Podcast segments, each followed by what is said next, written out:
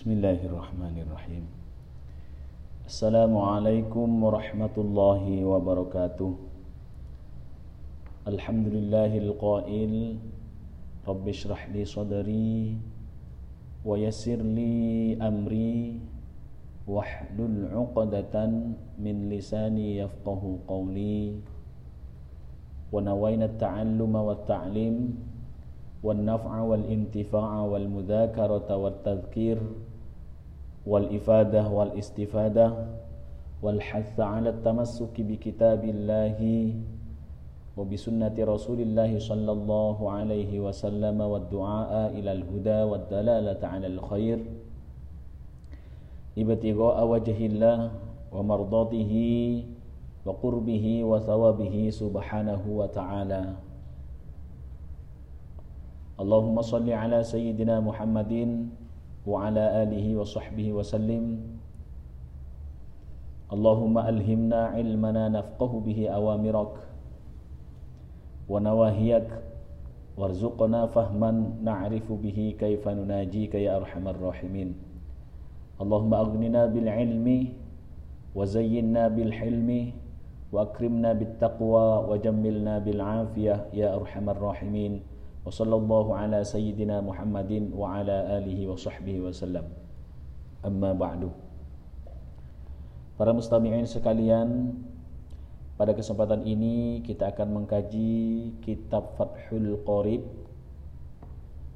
Mudah-mudahan kita diistiqomahkan untuk senantiasa mendalami ilmu agama Sehingga kita bisa beramal, beribadah sesuai dengan ilmu tuntunan Daripada para alim ulama wabil khusus dengan apa yang telah dibawa oleh Rasulullah sallallahu alaihi wasallam. Pada kesempatan ini marilah kita awali dengan niat yang betul, niat yang benar, niat belajar dan mengajar, niat memberi manfaat dan mengambil manfaat, niat mengulang pelajaran dan mengingatkan, niat memberi faidah dan mengambil faidah niat menganjurkan orang lain untuk berpegang teguh pada kitab Allah dan sunnah Rasulullah sallallahu alaihi wasallam niat menyeru orang lain kepada kebenaran mengarahkannya kepada kebaikan semata-mata mengharap ridha serta kedekatan dan juga pahala dari Allah Subhanahu wa taala. Teriring salawat mudah-mudahan terlimpah dan juga salam kepada Tuhan kita, kepada pimpinan kita Nabi Muhammad sallallahu alaihi wasallam beserta segenap keluarga, sahabatnya. Kemudian kita dianugerahkan ilmu agar kita memahami segala perintah dan larangan Allah Subhanahu wa taala. Diberikan pemahaman agar kami semuanya kita semuanya mengerti bagaimana cara bermunajat memohon kepada Allah Subhanahu wa taala. Maka kita bermohon kepada Allah agar kita diperbanyak, diperkaya dengan ilmu, dihiasi dengan kebijaksanaan serta Allah memuliakan kami dengan ketakwaan, memuliakan kita dengan ketakwaan memperbagus jasad kami dengan kesehatan dan tentunya kita banyak-banyak berdoa agar senantiasa diberikan keistiqomahan dalam hal yang baik dan positif. Wa qala al-musannif rahimahullahu taala ونفعنا به وبعلومه في الدارين آمين قال الشيخ الإمام العالم العلامة شمس الدين أبو عبد الله محمد بن قاسم الشافعي تغمده الله برحمته ورضوانه آمين Qala berkata Asy-Syaikh Syekh Al-Imamul Alim imam yang alim, al-allamah yang sangat alim, Syamsuddin Abu Abdullah yaitu adalah Syekh Syamsuddin Abu Abdullah Muhammad bin Qasim Asy-Syafi'i bermadhab Syafi'i. Taghammadahullahu semoga Allah memberikan karunia kepadanya birahmatihi dengan rahmatnya waridwanihi dan ridhonya. Amin Allahumma amin.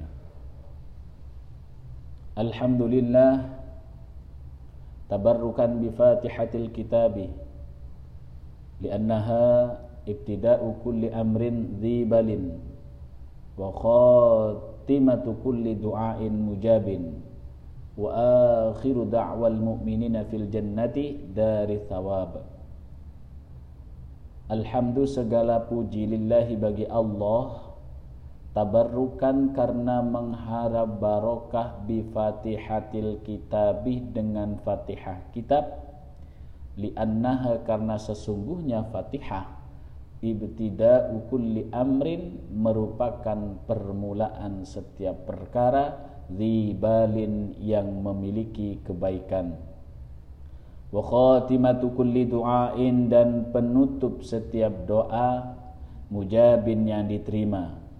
Wa akhiru da'wal mu'minin serta akhir doa orang-orang mukmin.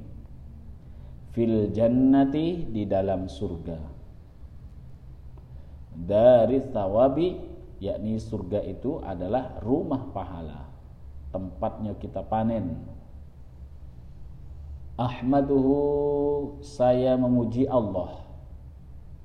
An agar atau semoga. Waffaqa Allah melimpahkan petunjuk man terhadap orang.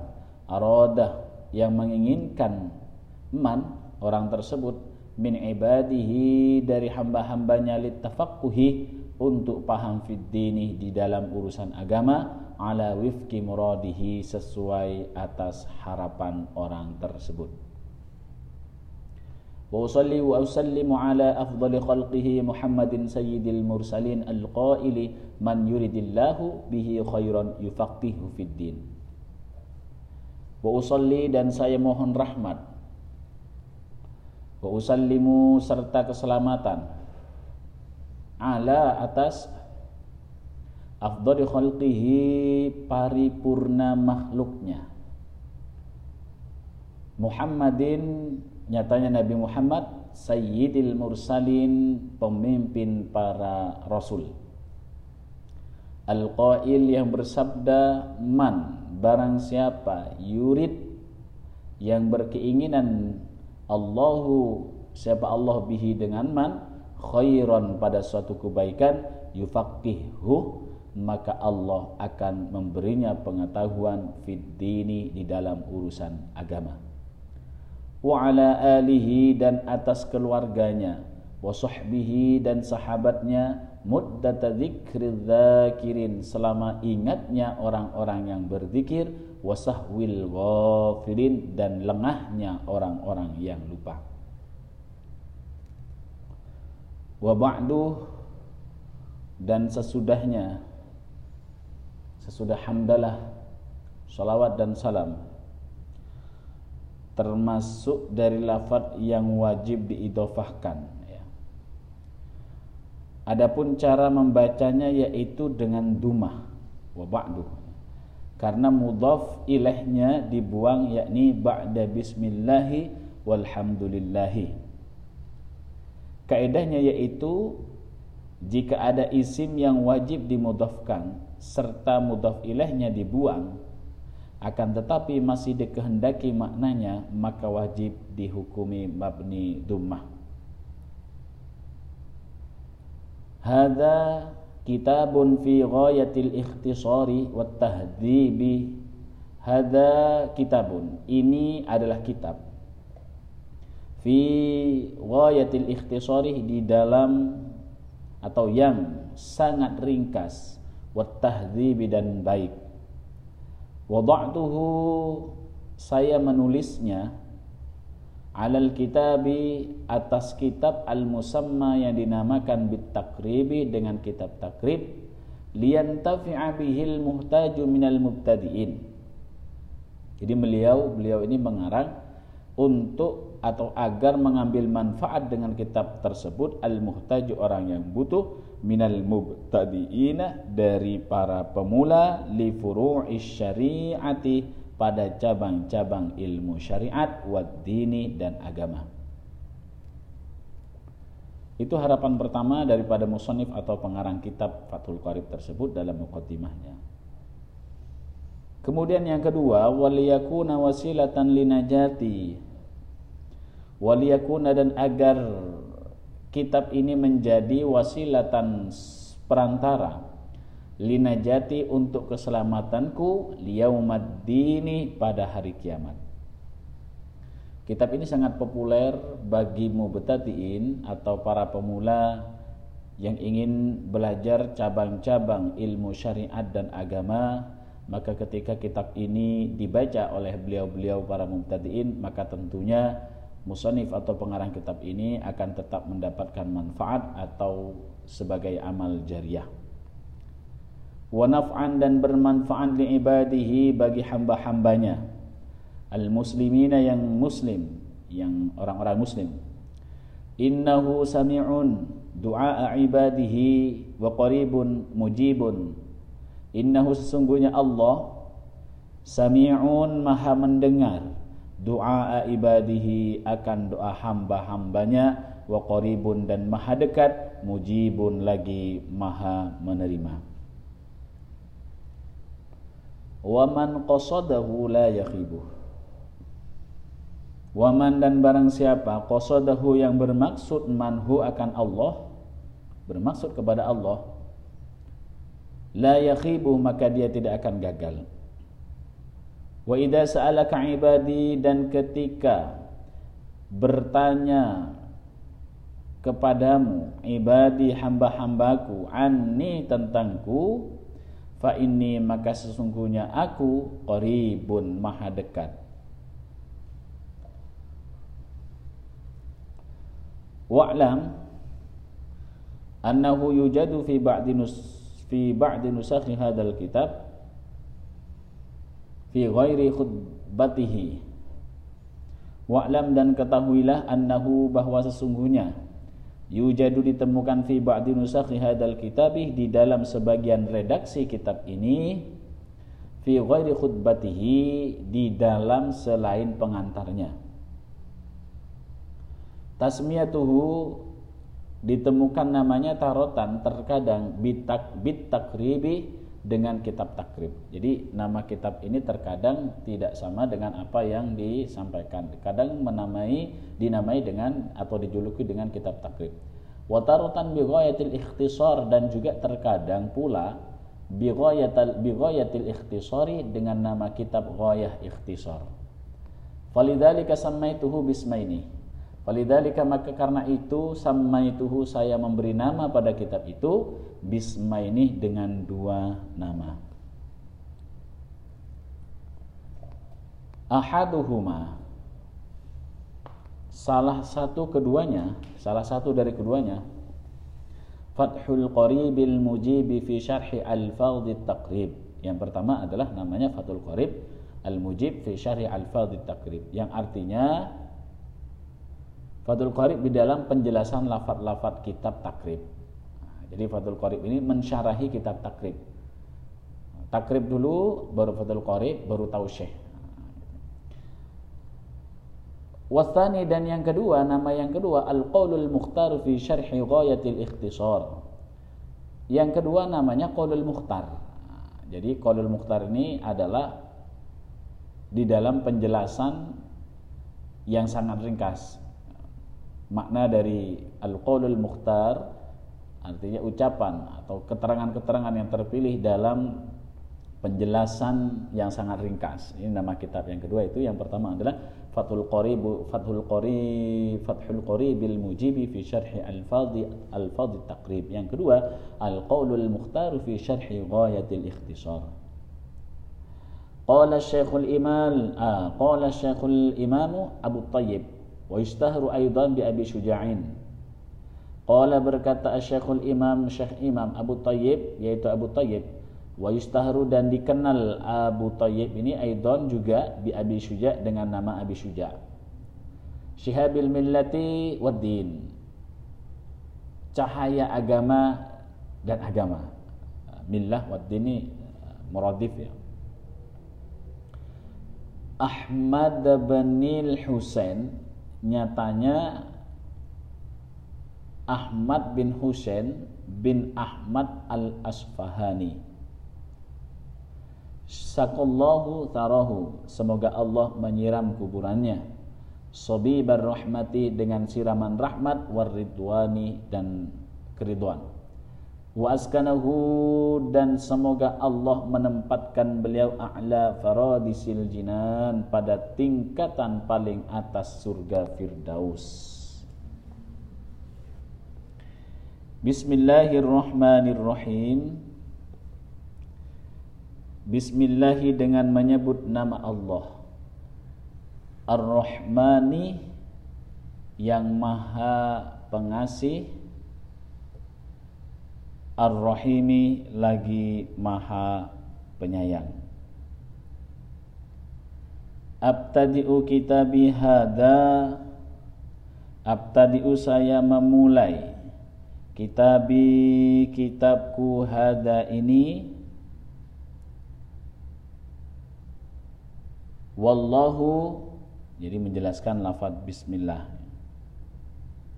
Wallahu dan lafad Allah Ismun yaitu nama Lidzatil wajibil wujudi Bagi zat yang wajib wujudnya Warrahmanu dan lafad ar-Rahman Ablahu minar rahimih yaitu lebih besar artinya lebih umum minar rahimi dari lafad ar-rahim.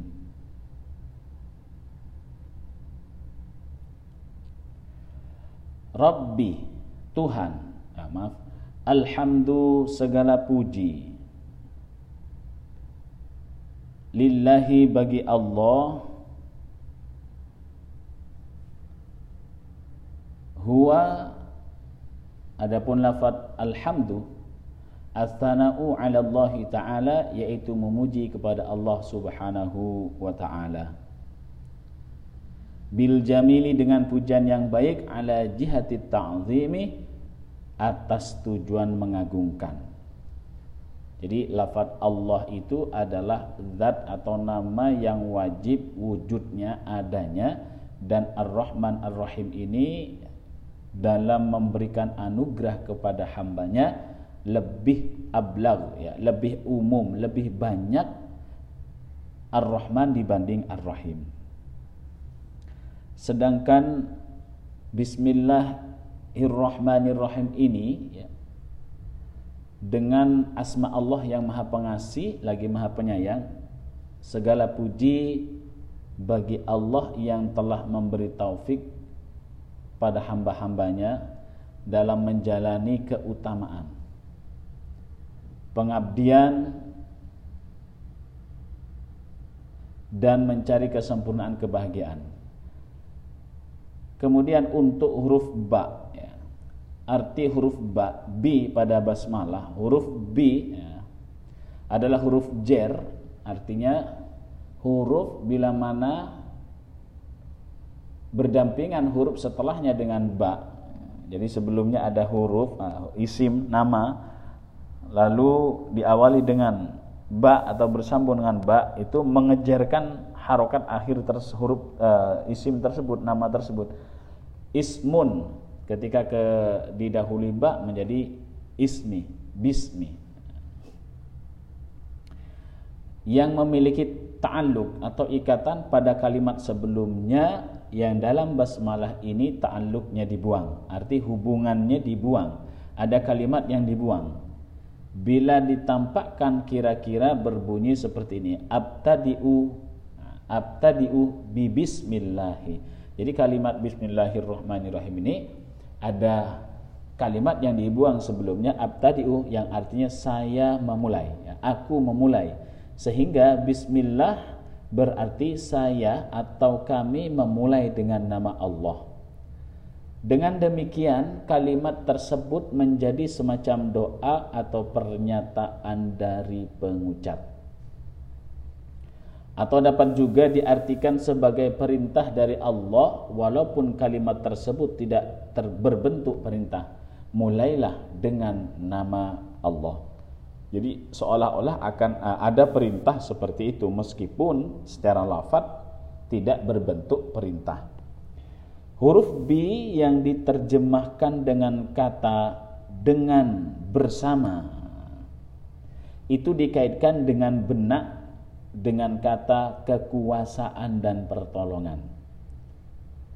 Dengan demikian pengucap basmalah seakan-akan berkata dengan kekuasaan Allah dan pertolongannya pekerjaan yang sedang saya lakukan ini dapat terlaksana. Bahkan uh, ada ungkapan begini bi kana makana wa bi yakunu ma yakunu bi sebab saya kata Allah apa pun yang sudah ada ataupun yang akan ada itu karena Allah Subhanahu wa taala ya.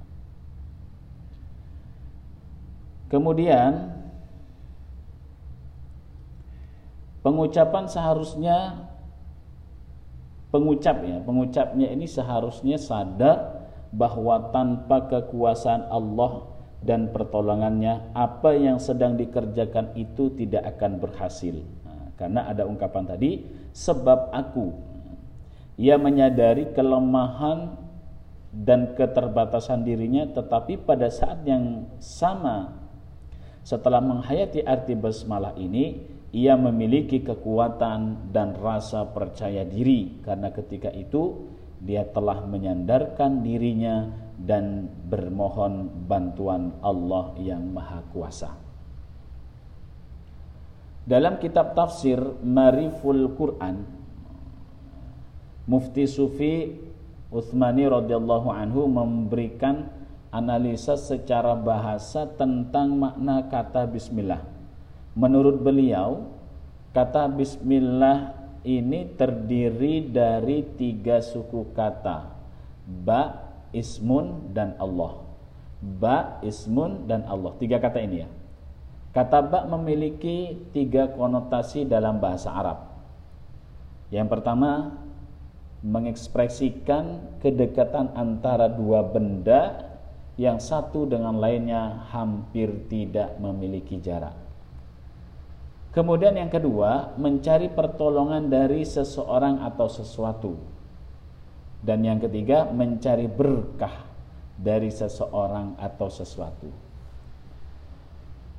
Sungguh luas ya bila seseorang mendalami sekedar arti ba yang terdapat pada basmalah seperti yang pernah diturunkan yang dituturkan ya oleh Sayyidina Ali karramallahu wajah yang dikutip dalam kitab I'anatul Talibin jika mau aku akan membebani 80 unta untuk memuat makna dari huruf ba dalam kalimat basmalah. Jadi tunggangannya sampai seperti itu dengan arti luasnya huruf ba. Seperti halnya pernyataan Imam Asy-Syarbini dalam kitab Al-Ibna Allah menurunkan sebanyak 104 kitab kepada tujuh orang nabinya dan seluruh kitab tersebut terkumpul dalam empat kitab yaitu Al-Quran, Taurat, Injil, dan Zabur. Dari keempat kitab tersebut terkumpul dalam satu kitab yaitu Al-Quran dan semuanya surat yang ada dalam Al-Quran terkumpul dalam satu surat yaitu Al-Fatihah dan seluruh ayat yang terdapat dalam Al-Fatihah terkumpul dalam Bismillahirrahmanirrahim ada riwayat lain yang menyebutkan bahwa semua yang terdapat dalam kalimat basmalah terkumpul dalam huruf ba' dan semua yang terdapat dalam huruf ba terkumpul dalam titiknya. Jadi keterangannya itu sangat luas sekali.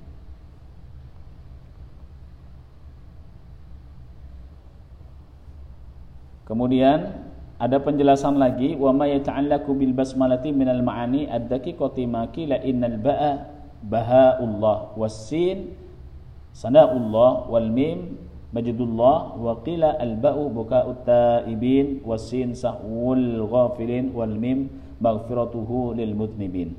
Ada yang mengatakan begini ada yang mengartikan rahasia di balik makna basmalah ba bahaullah keagungan Allah.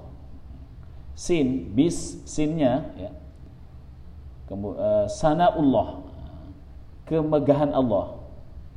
Mimnya majadullah kemuliaan Allah.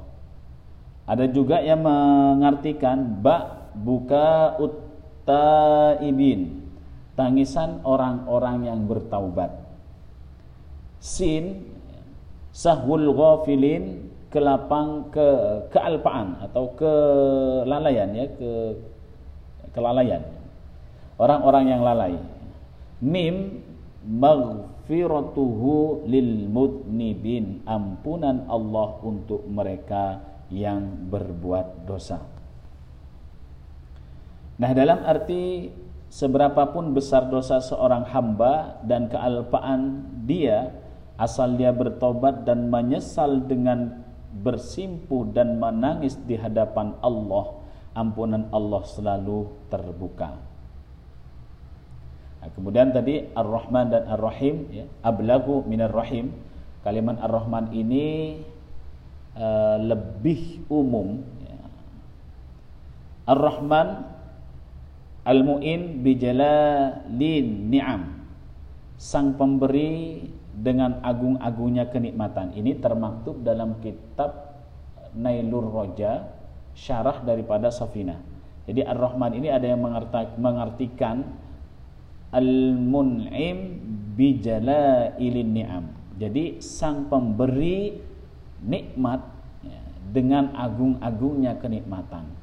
Kemudian Ar-Rahim Al-Mun'im bidako ikin ni'am Rahim sendiri maknanya adalah sang pemberi dengan rahasia-rahasianya kenikmatan. Jadi ibarat contoh antara penjelasan Ar-Rahman dan Ar-Rahim kalau memang Ar-Rahman itu ablagu atau lebih umum adalah kalau kita ilustrasikan dengan nikmatnya mata. Allah memberikan mata kepada kita secara umum manfaatnya adalah untuk melihat. Itu secara Ar-Rahman, umum, lebih luas, ya. Tetapi Ar-Rahim Ar-Rahim tadi mananya apa? Mun'im bidako ikin ni'am. Al-mun'im bidako ikin ni'am. Di mata ini ada kelebihan-kelebihan yang lain yang tersembunyi seperti mungkin ya hitam pekatnya biji mata kita, bola mata kita, putihnya, kemudian jelentiknya, bulu mata kita dan lain sebagainya yang mengandung keindahan di sana. Yang umumnya adalah memang mata untuk melihat. Tetapi ketika memang makna dari Ar-Rahim itu diartikan Al-Mun'im bidaqo ikin ni'am. Sedangkan Ar-Rahman Al-Mun'im ilin ni'am. Maka itulah makna daripada Ar-Rahman dan Ar-Rahim setelah kita menjelaskan tentang ba dari Bismillahirrahmanirrahim. Kita lanjut.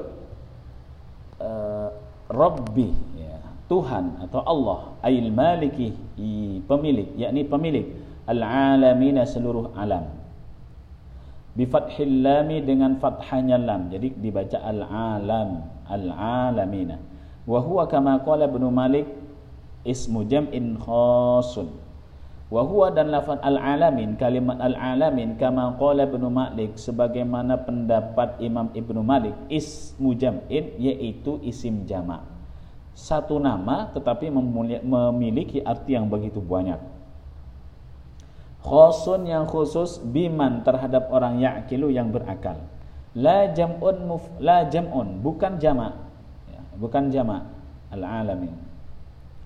Wa mufradihi wa mufraduhu alamun sedangkan kata tunggal daripada al alaminah alamun yaitu alamun bi fathil lami dengan fathah lamnya li'annahu ismun amun li'annahu karena sesungguhnya alamun Ismun amun merupakan isim yang umum atau nama yang umum lima siwallahi untuk selain nama Allah.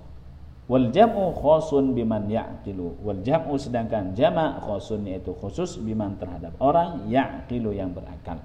Ya. Jadi alam. Yang dikatakan alam itu adalah nama benda apa pun yang sudah yang sudah diciptakan oleh Allah itu namanya alam. Selain Allah Subhanahu wa taala. Wa sallallahu wa sallama ala sayyidina Muhammadin nabiyyi. Wa dan semoga memberi rahmat Allahu siapa Allah. Wa sallama dan memberi keselamatan. Ala sayyidina atas pimpinan kita Muhammadin nyatanya Nabi Muhammad an-nabi yang menjadi nabi. Huwa lafat an-nabi ya bil hamzi dengan hamzah wa tarkihi dan tanpa hamzah. Nabiyun an nabiyun sama an nabiyu nabaun ya nabiyun an nabiyu an nabiyu insanun yaitu manusia uhiyah yang dinamakan nabi insanun yaitu manusia uhiyah yang telah diberikan wahyu ilaihi kepadanya dengan apa? Bisyar'in dengan membawa syariat ya'malu bihi untuk mengamalkannya, mengamalkan syariat tersebut. Ya. Itu yang dinamakan nabi. seseorang manusia yang diberikan wahyu berupa syariat lalu diamalkan. Wa illam yu'mar bitablighihi serta tidak diperintahkan untuk menyampaikan syariat tersebut. Fa in umira bitablighihi fanabiyun wa rasulun aidon Lalu apabila diperintahkan bitablighihi untuk menyampaikan syariat tersebut fanabiyun maka dinamakan nabi wa rasulun dan dinamakan rasul aidon juga. Jadi perbedaannya nabi dan rasul adalah nabi adalah seseorang yang diberikan wahyu oleh Allah Subhanahu wa taala namun ia tidak diperintahkan untuk menyampaikannya. Tetapi kalau utusan atau rasul itu adalah orang yang diberikan wahyu lalu diamalkan oleh dirinya sendiri dan disampaikan kepada umatnya. Nabi belum tentu rasul, tapi kalau sudah utusan atau rasul itu sudah pasti nabi. Wal makna yunshi'us salata wassalamu alaihi. Wal makna dan artinya yunshi'u yaitu semoga Allah melimpahkan as-salata wassalama rahmat dan keselamatan alaihi atas nabi wa Muhammadun dan lafaz Muhammad alamun yaitu alam. Mangkulun mangkul. Yaitu apa sih alam mangkul? Yaitu kalimat yang sebelumnya tidak berstatus alami. Seperti mangkul atau diambil ya dari masdar fadlu fadolah isim jenis asadun isim maf'ul mansurun isim fa'il nasirun fi'il yazidu. Ya, jumlah berupa jumlah kata-kata yang mempunyai arti berfaedah. Jadal haqqu. Min ismi maf'ulin dari isim maf'ul. Jadi Muhammadun itu akar katanya ya, diambil dari isim maf'ul.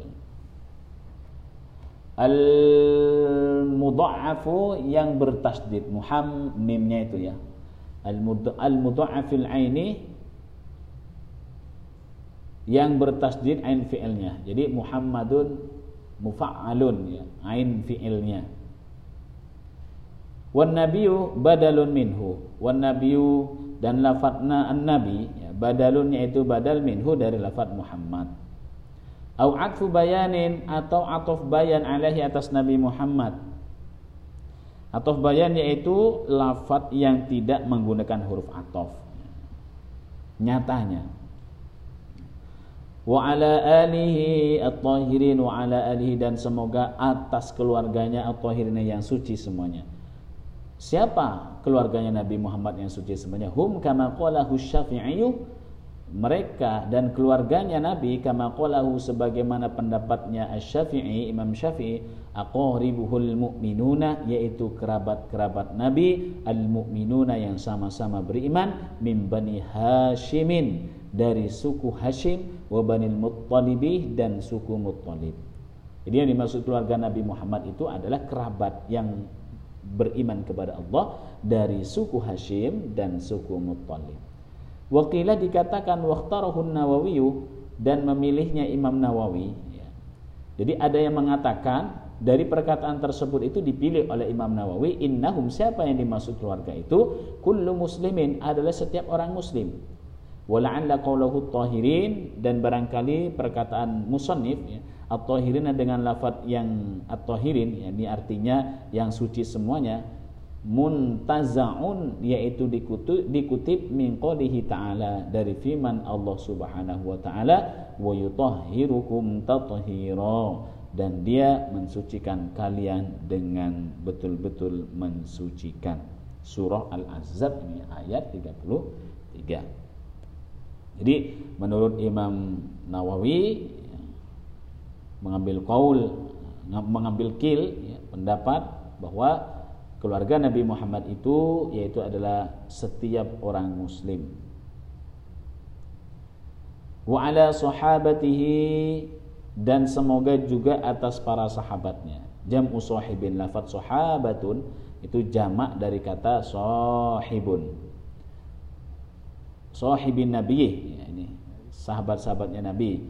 Wa qaluhu ajma'in dan dauh musannif. Jadi dauh atau ucapan dari pengarang kitab ini ada taukid ya penguat kalimat ajma'in semuanya. Takkidun li sahabati yaitu memperkuat pada lafaz sahabat semuanya jadi tidak tidak tanggung-tanggung berarti semoga rahmat dan salam itu juga terlimpahkan kepada sahabat-sahabatnya secara keseluruhan ajma'in ثم ذكر المصنف أنه مسؤول في تصنيف هذا المختصر بقوله سألني بعض الأصدقاء ثم ذكره lalu menyebutkan Al-Musannifu Musannif atau pengarang kitab Annahu bahwasanya beliau mas'ulun diminta Fi tasnifi hadal mukhtasari di dalam Atau untuk menyusun ringkasan ini Biqaulihi dengan perkataan beliau pengarangnya sa'alani ba'dul asdiqa memintaku sebagian teman-teman. Jadi memang termotivasi salah satu motivasi untuk membuat karangan kitab ini adalah karena beberapa teman-teman beliau meminta agar membuat ringkasan. Al-asdiqa ini jam'u sodikin, jamak daripada sodikun. Wa qaluhu hafidhahumullahu ta'ala. Dan dauhnya musonif ucapan pengarang kitab ini hafidhahumullah semoga menjaga mereka Allahu taala siapa Allah taala hafidhahumullah taala ini kalimat hafidhahumullah taala jumlatun du'aiyatun adalah kalimat ya kalimat atau jumlah yang mengandung arti doa an a'mala mukhtasaran. Permintaannya apa? Teman-teman daripada para uh, musonif atau pengarang kitab ini an a'mala agar membuat muhtas muhtasaran ringkasan kitab ringkasan. Ringkasan itu huwa ma lafduhu tentunya adapun muhtasar atau ringkasan itu yaitu kata yang sedikit lafadznya atau kitab yang sedikit lafadznya wa katsura maknahu namun banyak artinya ini yang dimaksud diringkas jadi kitab yang lafadznya sedikit tapi maknanya sangat luas. Fil fiqhi di dalam kitab fikih. Huwa lugatan al-fahmu. Fikih itu apa sih artinya? Huwa adapun fikih lugatan secara bahasa al-fahmu yaitu mengerti. Ketika kita memang berucap, oh ya saya ngerti, berarti itu sudah fikih. Istilah secara bahasa. Wastilahan menurut secara istilah, secara istilahan, secara agama syariat, fikih itu apa sih? Al ilmu yaitu ilmu pengetahuan, yaitu mengetahui bil ahkami syariati pada hukum-hukum syariat al amaliyati yang bersifat amali al muktasibi yang diperoleh min adal min adillatiha at tafsiliyah dari dalil-dalil hukum tafsili Al-amaliyah tadi hukum tentang amal sehari-hari ya. Mempelajari hukum syariat amalan sehari-hari, kemudian secara rinci tadi setiap dalil yang khusus untuk permasalahan tertentu. Jadi sangat dirinci sekali. Ala madhabil imam atas madhab imam al-a'dhami yang agung al-mujtahidi mujtahid nasiri sunnati penolong sunnah waddin dan agama. Siapa beliau? Abi Abdullah Muhammad bin Idris bin Abbas bin Uthman bin Syafi'i bin Syafi'i. Adalah Abu Abdullah Muhammad bin Idris bin Abbas bin Uthman bin Syafi'i. Syafi'i Imam Syafi'i. Beliau ini wulida bi Ghazzatah. Beliau dilahirkan di Gaza sanata khamsina wa mi'atin. Pada tahun 150 wa mata rahmatullahi taala alaihi wa ridwanuhu yaumal jum'ati. Wa mata dan wafat rahmatullahi taala semoga rahmat Allah taala kepada beliau alaihi terlimpah atasnya waridwanhu dan ridhonya yaumal jum'ati wafat pada hari Jumat. Sal kharajabah di ha, di akhir bulan Rajab sanata arba'in wa mi'at wa, tahun 204 berarti lahir tahun 150 wafat 204 berarti umur beliau adalah 150 lahir tahun tahun ya tahun 150 berarti umurnya adalah 200 uh, eh, wafatnya 204 ya sekitar apa 100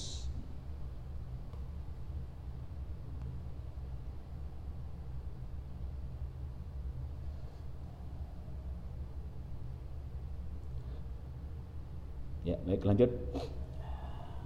Beliau lahir pada tahun 150 dan wafatnya 204. Berarti beliau ini berumur sekitar 54 tahun ya. 150 204 54 eh, 54 tahun Wa wasafal musannifu mukhtasaruhu dan memberi ciri-ciri al musannifu musannif atau pengarang kitab ini mukhtasaruhu akan ringkasan kitabnya bi dengan beberapa ciri. Minha di antaranya annahu bahwasanya ringkasannya fi ghayatil ikhtisari yaitu sangat ringkas wa nihayatil ijazi dan sangat singkat. Wal ghayatu wan nihayatu mutaqaribani.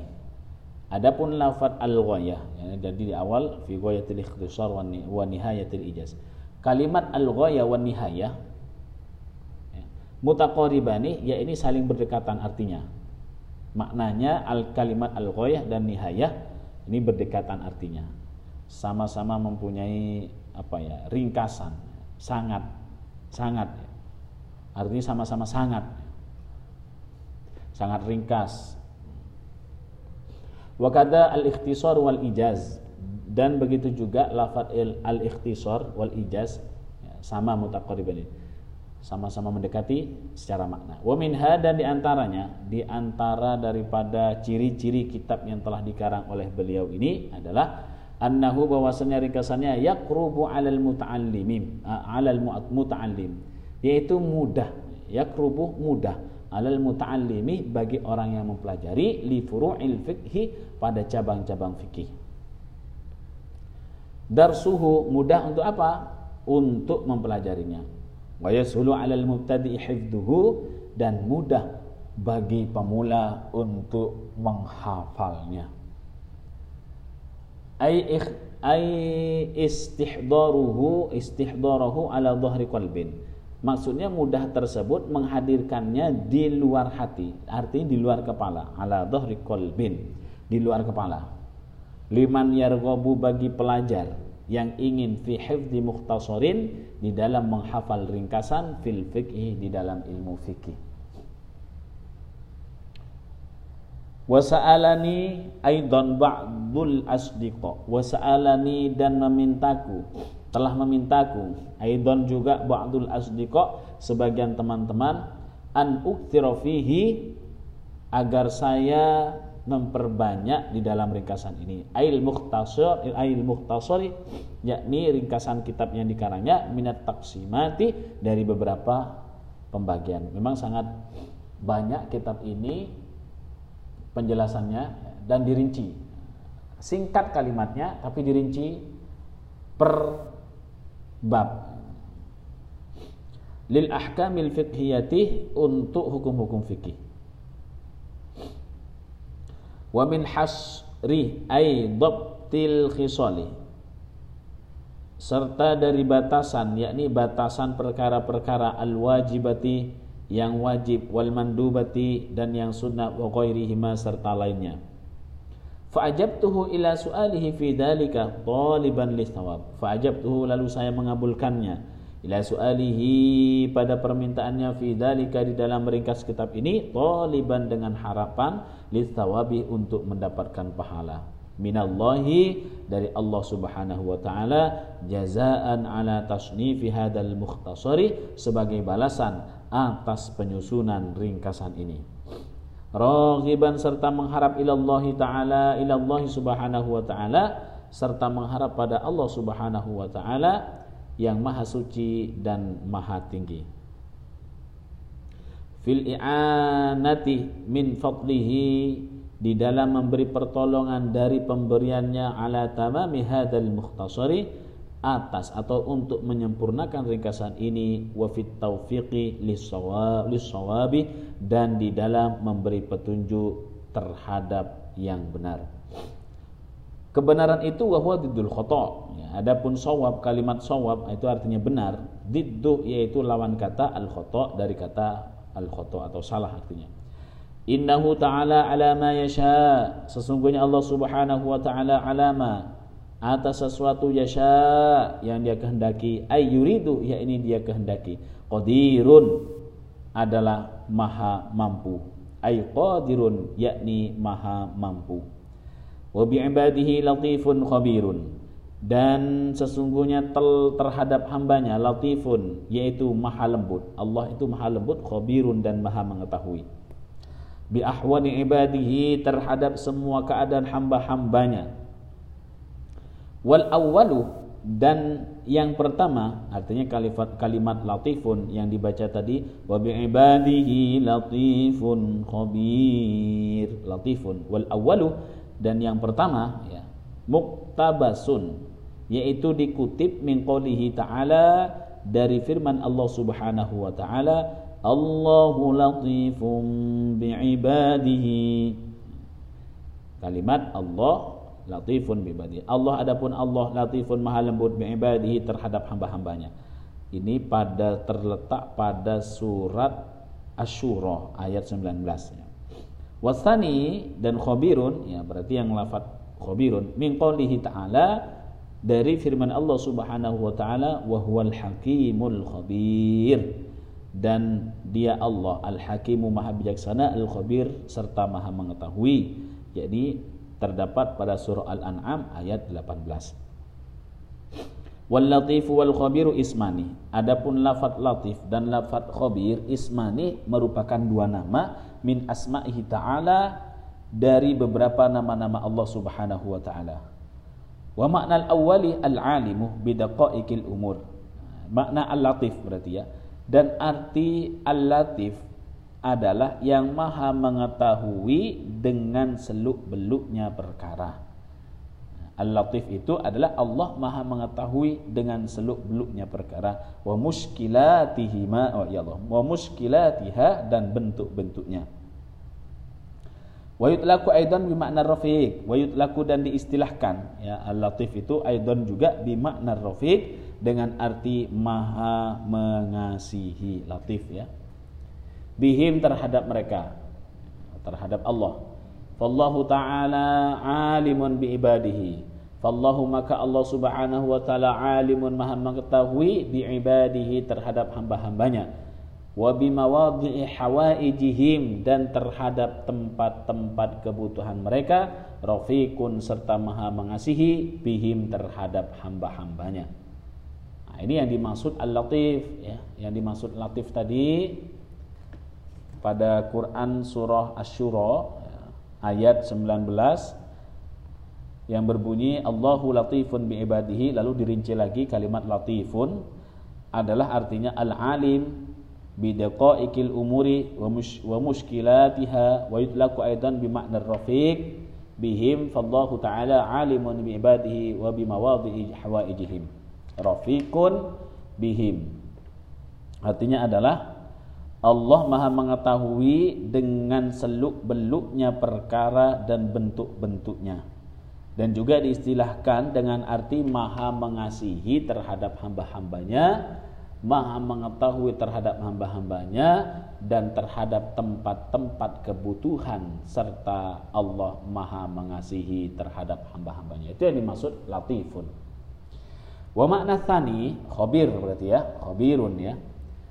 Arti yang kedua qaribun yaitu qarib dekat min makna awal dari makna yang pertama. Jadi mendekati makna latifun. Kalimat khabirun itu mendekati makna yang pertama. Wa yuqalu dan dikatakan khabartu syai'a ukhbiruhu fa ana bihi khabirun. Jadi dikatakan seperti ini kalau diistilahkan dalam sebuah kalimat. Saya mendekati sesuatu lalu saya memberi kabar kepada kepadanya maka saya padanya mengetahui. Jadi kalau dibuatkan kalimat jadinya seperti itu. Ay alimun maksudnya apa? Yaitu mengetahui. Qala berkata al-musannifu pengarang atau musannif kitab ini, pengarang kitab ini berkata ah, rahimahullahu taala semoga memberinya rahmat Allahu siapa Allah taala Allah taala. Di inilah muqaddimah pada kitab Fathul Qorib mudah-mudahan kita bisa istiqomah terus lanjut mengkaji, mendengarkan lalu mengaplikasikannya dalam kehidupan sehari-hari karena tadi sudah dijelaskan al-amaliyah ya merupakan furu cabang-cabang hukum fikih yang memang diamalkan dalam keseharian kita. Kita tidak bisa lepas dari keseharian kita ini dalam ilmu fikih. Ya. Di mana pun kita berada, di situ ada fikih dan mudah-mudahan bermanfaat wallahu alam bisawab. Wassalamualaikum warahmatullahi wabarakatuh.